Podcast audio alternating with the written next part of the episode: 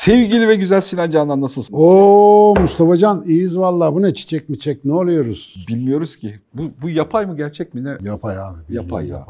Senelerdir böyle duruyor bak. Senelerdir böyle duruyor. Bugün düşünce, nesne falan konuşacağız ama önce bir şey soracağım sana. Hadi. Aşı da aklıma geldi gerçekten şeyle alakalı. Eyvah eyvah. Bence yani biz normal zihinsel argemizi, duygusal durumumuzu can cananda 4 yıldır konuşuyoruz. Bence bunu konuşmadan geçmemek lazım. Hani o yüzden öz- özel duygusal anlamdaki de bir hikaye. Ee, Mustafa Canan'ı da konuşmadan geçmemek lazım. Şeyin içerisinde. Aynen. Hiç sana baba olunca anlarsın demiş miydi? Hiç öyle bir diyalog ya da Göçmez olur mu canım? Yani çok. Ya, sen de baba ol da bir göreyim falan. Sonra ben baba oldum.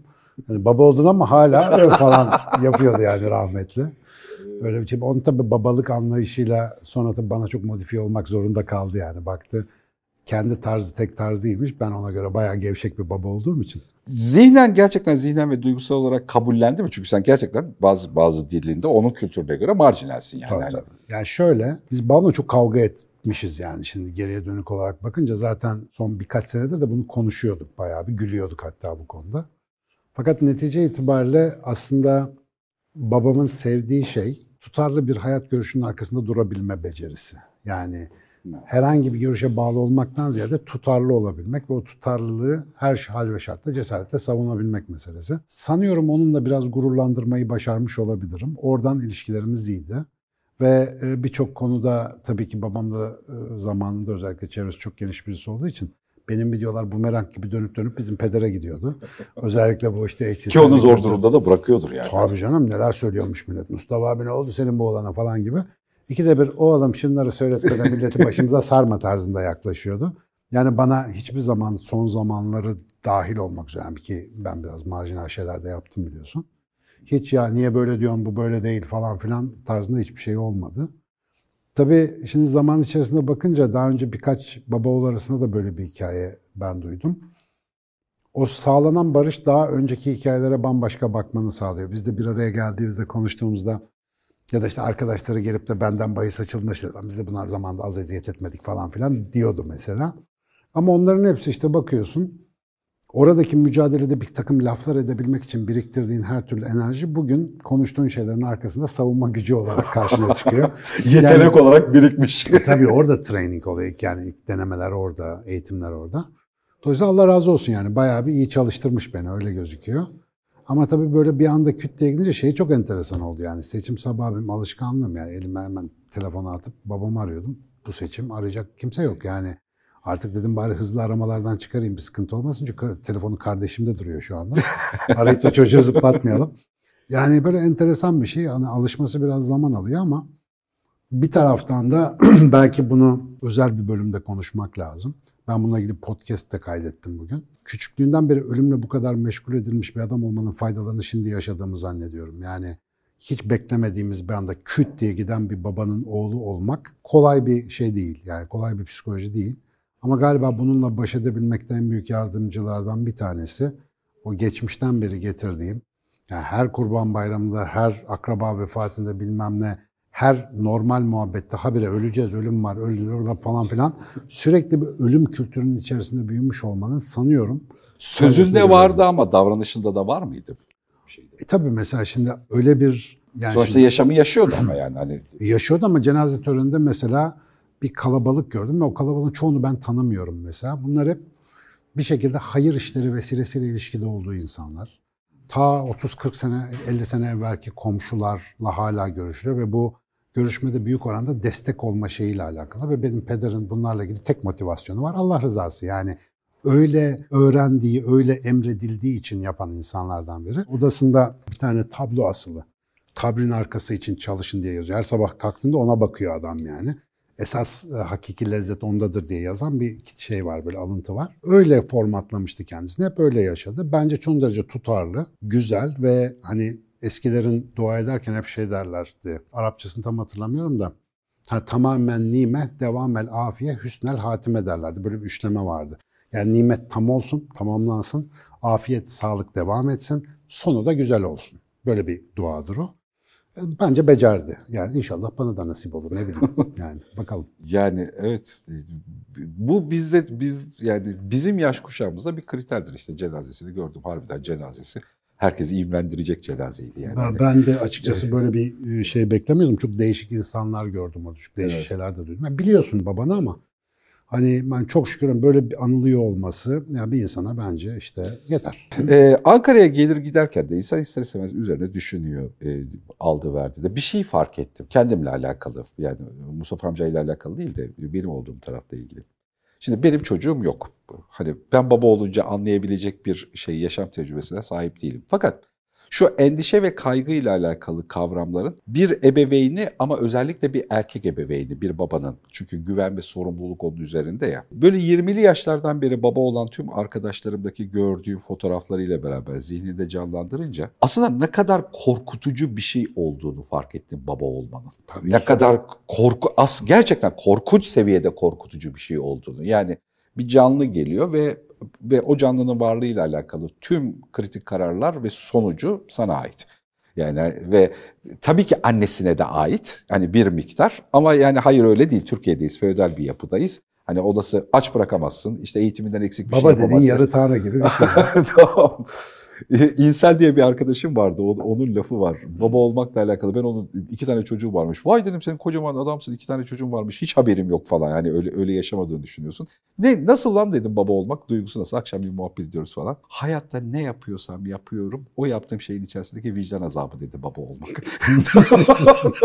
Çünkü dedi acaba bir şeyi daha fazla yapabilir miydim de onu mu az yapıyorumla alakalı bir, bir- Ama bu işte eksik benlik sendromu. Bunu bize hayatın her alanında aşılamıyorlar mı? Babalıkta duygusal ilişki dolayısıyla daha çok hissediliyor. Ama mesela ne eğitimde idealsindir, ne kocalıkta idealsindir, ne işinde idealsindir, ne inancında idealsin. Hiçbir şeyde ideal değilsin yani. Bir de idealden uzaksın. Ama hiçbir de çok sevdiğin çocuğunun istikbaliyle evet, alakalı evet, bir şeye bağlanınca daha beter suçlu hissediyorsun kendini. Valla ben böyle bir şey- yani ben üç çocuk babasıyım öyle, öyle bir şey hissetmiyorum yani. Bıraktım ben onu. Gereksiz, faydasız bir duygu. Yani çocuklar, bu arada söyleyeyim baba olmayı düşünen varsa. Anneler için bir şey diyemeyeceğim çünkü anneler adına konuşamam. O başka bir hissiyat. Ama böyle sırf ya ben çocuğu nasıl büyütürüm, nasıl bakarım bilmem ne diye endişe eden bir baba varsa konu öyle değil. Yani sana bağlı bir şey değil o. Sen bir kere niyet ettikten sonra bir şekilde her türlü yol bulunuyor, her türlü iş yoluna giriyor ve çocuk zaten bitki gibi kendi kendine büyüyor. Sadece ölmemesini sağla.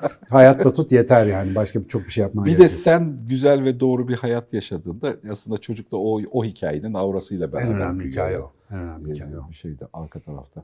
Ee, Mustafa amcayla da alakalı anlattığın öykünün grubu bu aslında. O E tabii ki yani şimdi onun- bir- Yani böyle çok ideal bir baba olduğunu söyleyemem yani özellikle daha genç dönemlerinde iş, güç, ekonomik sıkıntı, politik ya kargaşalar. bizim yaş kuşağımızdaki hangi adamın babası Evet, ideal canım, baba yani. öyle bir şey yok. Ama mesela yeterince iyi yani bana sorarsan. Şimdi bir sürü şeyde aşırılıkları vardı. Mesela işte bu dini kültürel hassasiyetler konusunda. İşte aile bağları, akrabalık, özellikle anacıllık konusunda mesela çok defekleri olan bir adamdı mesela ama hani yaşamın bütünlüğü içerisinde yaşam ustalığı diyebileceğimiz şeyde ben çok eksik görmüyorum. Yani öyle arızalar hepimizde var. Ama sen bunu yaşamındaki başka bir artıyla kompanse edebiliyorsan mesela ev içinde annemle sürekli atışırlar. Çünkü annem haklı yani. Babam bir sürü problem yaratan bir adam devamlı evde. Böyle hep dışarıya oynayan, dışarıda iyi olmayı önceleyen falan bir kültürden geliyor çünkü. Ama totalde bakıyorsun şimdi annem de üzgün. Yani onun da bir kaybı var. Onun böyle şey rahatlamıyor. Bu kötü bir şey. Mesela bir insan koca söylediğinde Allah falan diyebilir. Bu kötü. Ama mesela benim annem şimdi süklüm püklüm oturuyor. 50 senedir ben kimle kavga edeceğim diyor. Perdelerle falan kavga etmeye başladı. Ya onların sevgiyi ifade etme biçimiymiş meğersem bu seneler sonra anlıyorsun. Dolayısıyla toplamda baktığında kötü bir hayat değil, kötü bir takım özelliklerin olabilir. Yani mükemmel olma arayışı insanı daha kötü yapıyor. Ben yolda bunu fark ettim. Mesela babamda bu yoktu. Ben bir iyi baba olayım falan diye bir takıntısı yoktu. O kendisine öğretilmiş bazı şeyleri yapmaya çalışıyordu. Ona göre yaşamaya çalışıyordu. Ve onu yaşayamamanın tansiyonu da bazen bize yansıtıyordu işte. Çocukların benden daha dindar olsun falan gibi. Böyle enteresan şeyleri vardı. E bu onun kusuru ama şimdikilerin yaygın kusuru bence mükemmel olma hikayesi. Öyle bir şey yok. Yani mükemmel olmadıktan sonra da yeterince iyi olup hakikaten hayata her türlü katkıyı verebiliyorsun. Bence hayata biraz böyle bakmak lazım. Total bir şey bu yani. Bütüne dair bir şey. Ve ben kendisinden razıyım. İnşallah da benden razıdır. Öyle gibi gözüküyordu en son. Yo, tekrar, öyle, öyle, tekrar öyle. buluşunca soracağım yani bakalım. Bir de yani işin benim için böyle bir tarafı da var hani e, o yüzden de hani bir, bir geçici bir arayınca bulamama hali yaşıyorum ben şu anda ama inancım tam bir şekilde yani standart geleneksel İslam anlatısında anlatıldığı gibi hurilerin arasında babamı arayacağım bir yer pek beklemiyorum ama beklediğim şey yani bilinç düzeyinde tekrar bir buluşmanın olacağı. Bakalım orada ya Roya Mero neler olacak göreceğiz yani. İnanmıyorum telefonum çalıyor. Ben bunu şeye almamışım. Bu da girsin kayıtlara. Telefonum değil saatim çalıyor ve ben telefonum çalıyordum. Kavram kargaşasının haddi hesabı. Ama saatinde aslında benim telefonum diye çalıyor falan yani. Aynen öyle. O zaman teşekkür ediyorum hocam. Vallahi ben teşekkür ederim. Güzel bir konu açtın. Aslında seninle daha önce ölümdür bilmem nedir. Bir Acık üzerine, üzerine sohbet konuştuk. ettik ama şu baba olunca anlarsın hikayesi. Benim olduğum yerde işte baba olmayarak hani bunu anlama çabasıyla da alakalı bir öykü aynı zamanda. Bunu hep kendi babamla ilişkim içerisinde de görüyorum yani. Ben de işte 50 yaşındayken ilk defa babam bana telefonda oh ya senle azıcık bir konuştuk da iyi geldi bana dedi bak 50 yaşında ilk defa. Tabii. Yalnız e, bu arada sen biraz önce teşekkür ettin galiba kapanış noktasında ama bir şey ilave etmem lazım. Ya bence bu konunun en önemli kısmı şu. Ben o kadar bak hayat, ölüm bilmem ne bunlarla ilgilenen bir adamım. Küçüklüğümden beri hep bunları anlatıyorum şu bu. Zaten e, işte bu İstanbul'da ölümle ilgili bir eğitim verirken babam öldü yani. Öyle bir denk gelme oldu falan. Muhtemelen o eğitimdekilerin hiçbiri bunu unutmayacaklar. Ama hayat o kadar hızlı ve kısa bir şey ki ölüm arada bir olduğu için bunu çok fark edemeyebiliyoruz ama çok fazla ve çok hızlı bir şekilde oluyor ve hiç beklemediğin zaman geliyor. Her ölüm erken. Şimdi bunu niye söylüyorum? Yani kendi ölümümüze dair paniğe kapılalım diye değil ama ben babamla iki ya da üç gün önce telefon görüşmesi yapmıştım en son. Bir önceki hafta mı iki hafta önce bayramda zaten beraberdik. Birbirimizden sıkılacak kadar konuştuk yani falan ama lan dün niye aramadım? Mesela bu geliyor insanın aklına ve bazen öyle zamanlar oluyor ki iki hafta, üç hafta unutuyorsun. Yani büyüklerin var. Bazen hakikaten telefonun ucunda bekleyenler, biri arasa da halimi sorsa diyen birileri var. Ve bu çok küçük bir jestle karşıda yaratabileceğin aslında çok büyük bir mutluluğa da bir fırsat var. Şimdi birçok insan, gün, ben başta olmak üzere günlük hayatın telaşesinden dolayı öncelik sıralarını hep karıştırıyor. Şimdi çocuklarıma da aynı şeyi bu aralar sıklıkla hatırlatıyorum. Beni değil de diyorum mesela babaannenizi falan artık bir yoklayın. Çünkü işte anneanneleri de vefat etti mesela. Dedenizi bol bol yoklayın diyorum e, annelerin babasını. Şimdi bu bilinç gittikçe hayatımızdan yitiyor ve sonra şöyle bir şey oluyor.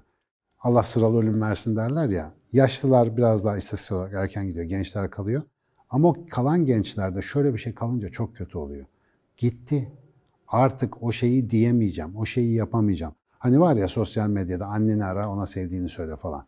Ya bunun için bir sosyal medya deneyi beklememek lazım. Yani ağzımızda bir şey varsa, gönlümüzde bir şey varsa şimdi şu anda onu söylemek lazım. Ben mesela bugünlerde şey oldu tabii ki o kaybın arkasında. Annem neredeyse her gün arıyorum yani. Bir en azından sesini duyma bağlamında. Tam bu da biraz fazla. Her gün olmayabilir. Ama o, o gaflet dediğim şey o kadar etkili bir şey ki Allah'tan hani bana o acıyı yaşattırmadı. Mesela benim böyle 3-4 hafta unuttuğum zamanlar olmuştu. Bir de onun sonucunda böyle bir şey olsa kendini çok daha ağır suçlu hissedersin. Yıllarca boktan bir meseleden dolayı ananla, babanla, eşinle, dostunla konuşulmama durumları var mesela. Yazıktır ya. Yazıktır. Küt diye gidince var ya hiçbir şey yapamıyorsun yani. O yüzden bu dünya Bir de o- bir kere daha hatırlatayım. O tarz ilişkileri bazen şimdi bazen işte modern kentli insan zihniyle beraber onu o bir birey ben bir bireyim işte o bilmem ne falan annem baban hakkında öyle bir şey düşünüyorsun konuşuyorsun falan. Ya, ya öteki taraftan şeyi fark ediyorsun yani yakın ilişkiler anne baba kardeşler okey bazı dostluk ilişkileri de bazı akrabalık ilişkileri de bu havuzda. Aslında onlar senin organların. Yani Yani doğal uzantın doğru. Evet, evet, evet. Yani hani bayağı bildiğin kolun bacağın yani hani babana ben onun şakasını yapıyorum biz, biz Karadenizli bir aileyiz ve ya biz de erkek babasına kızar yani bu normaldir hani şeyin içerisinde. Biz Babama çok- Karadenizli değiliz bizde de normal. yani hani çok çok bir şeyde ve e, yani şey gibi babanla kavga edemiyorsun. Yani zihinsel olarak kav- babanla kavga etmek sol kolunda kavga etmek gibi yani Aynen. saçma ya bundan kopamayacağın yani hani bu öyle zihninde hatıranda biçiminde yaşamının biçiminde vesairesinde var. Ya, Ee, ya şey- kulağının şeklini sevmiyor olabilirsin ama bununla yaşamayı öğrenmekle alakalı bir Evet. şey. Yani eş dost akraba da öyle. Bir ergen atarlığını 60 yaşında sürdürmek çok mantıklı değil. Yani Evet, evet, evet. "Pişt, bana ne ben ya öyle değil işte. Sen o kültürün içinde yetiştin. Daha önce din konusunda konuştuk ya. Ben niye Müslümanlıktan çıkamam? Niye sen de çıkamazsın? Çünkü o bizim bazımızı oluşturan, temelimizi atan kültürün çok mütemmin bir parçası. E anam baban da öyle yani. Dili onlardan öğrendin. Atar yapmayı onlardan öğrendin. Kaş çatmayı onlardan öğrendin. Dükkana gidiyorlarmış mesela Ankara'da babamın e, dükkanına. Konuşurken diyorlarmış ya Sinan Canan diye bir adam var televizyonda siz ona benziyorsunuz. Babam da diyor oğlum benim. O şaşırıyorlarmış. Nereden tanıyorlar? E tabi halimiz, hareketimiz, her şeyimiz bir kopya neticede. Ondan öğreniyoruz her şeyi. Aynı şey mesela kardeşimde de var. E böyle olunca sen hakikaten kimle kavga edeceksin, kime küseceksin? Yani evet yani. kendinden bir parça neticede bu insanlar. Hani ailenin mailenin iyice atomize olduğu, dağıldığı günde insanların hayat tercihlerine sonuna kadar saygım var ama acıyan bizim canımız olacak yani onun için uyarıyorum. O kol koptuğu zaman, o parça gittiği zaman uzun süre haberleşmemiş olmak, kopuk kalmış olmak acıyı çok derinleştiriyor. Ve hayalet uzuv sendromu gibi bir şey yaratıyor. Sürekli olmayan birinden özür dilemeye başlıyorsun. Sürekli oraya karşı bir, o olmasa bile bir kaçışın devam ediyor. O psikolojik problemi yaşamamak lazım bence. Yani vesilesi olmuşken bunu da söylemiş olalım. Bir de en zayıf, en az sosyal ilişkilere sahip, işte en az ekonomik gücü olan insan bile hani bir şeyde toplumsal yapı içerisinde aslında varlık olarak acayip bu da yeni fark etti, yeni sezdiğim bir şey. Çok güçlü ya. Tabii. Yani aslında her ölüm sosyal örüntünün içerisinde büyük bir kara delik kuruyor. Yani e, bir şeyde. Bir de bunun annen baban olduğunu düşündüğünde o kara deliğe çok yakınsın aslında yani. O öyle rast sadece bir insan hay Allah zaten haftada bir telefonda görüşüyorduk. Yılda üç defa görüyor. Öyle bir şey değil o. Yani onun gücü yani varlığının gücü aslında senin hayatında kritik diyeceğin, ölüm kalım diyeceğin birçok şey üzerinde hala etkin ya. Bunu anlayamıyoruz. Abi hani yaşarken. yani Rasyonel zihin bunu hakikaten ölç- kavraması çok Evet zor. teraziyle ölçmeye çalışıyor. Teraziyle ölçecek bir durum değil. Yani sadece meşhur bir adam ölünce bir sıkıntı olurmuş gibi zannediyoruz ama dedi ya her insanın ölümü. Her insan en küçük, en bir şeyde, en az Hele bir de şey derler ya alemin ölümü alemin ölümü gibidir diye bir laf vardır bizim kültürde. Burada alim tabii bilgin, akademisyen falan anlaşılmasın. Yaşam çözünürlüğü yüksek ve yaşamda telaşları olan insanların oluşturduğu bağlantılar sebebiyle kaybı birçok insana dokunan ve alemi sarsan bir şey gerçekten. Ee, ben şahsen babamda böyle bir şey hissettim. Ama Evet, evet. arkasından acı sürükleyerek giden bir bağlantısallık değildi o. Yani gittiğinde hoş sada bırakan bir şey olduğunu zannediyorum. Ya da öyle görmek hoşuma gidiyor belki. Bir de bilmiyorum. çok planladığı gibi de ölmüş yani. Hakikaten adam 51 sene ben duydum yani. Hep buna dua etti. Yatmadan etmeden küt diye gideyim falan diyor. Hakikaten küt diye de gitti yani. Bu arada hala nasıl öldüğü kesin değil. Yani beyin kanaması geçirdi mi düştü yoksa düştüğü zaman beyin kanaması geçirdi. Orada hala bir soru işaretimiz var ama bana görüş soruyorlar. Diyorum ki kurcalamayın. Onun istediği oldu. Yani neticede emri hak vaki oldu ve gönderdik. E, nasıl olmuşsa bir yöntemle duası kabul oldu yani. Ben ona o şekilde bakıyorum. İnşallah yerinde rahattır. E, demekten başka bir şey gelmiyor elimizden. evet, evet. Eyvallah. Bu konuyu açtığın için sağ ol bu arada. Bunları bir, bu aralar hakikaten söyleyesim var. Bir de söyle, söylemenin de rahatlatıcı bir tarafı var. Daha detaylı kısmı için bir podcast çektim. Özellikle belki biraz uzun oldu ama cenaze yıkamanın bana yaptığı şeyi biraz Oo, anlattım. Tabii oo, orada bir oo. şey var. Evet hatırlıyorum. Tam cenaze Tabii. yıkamadan gelip geldiğinde karşılaştık seninle Tabii, beraber. tabii. O çok çok değişik bir deneyim. Ee, ya o gözle bakmak, bu kadar yakın birine o gözle bakmak başka bir şey. Sinan Canan'la Sesli Notlar ismiyle planladığım podcast'imde inşallah bunları da bir paylaşacağız bakalım. Değişik bir tecrübe, değişik bir güç. Farklı. Peki tekrar teşekkür ediyorum. Ben teşekkür ederim.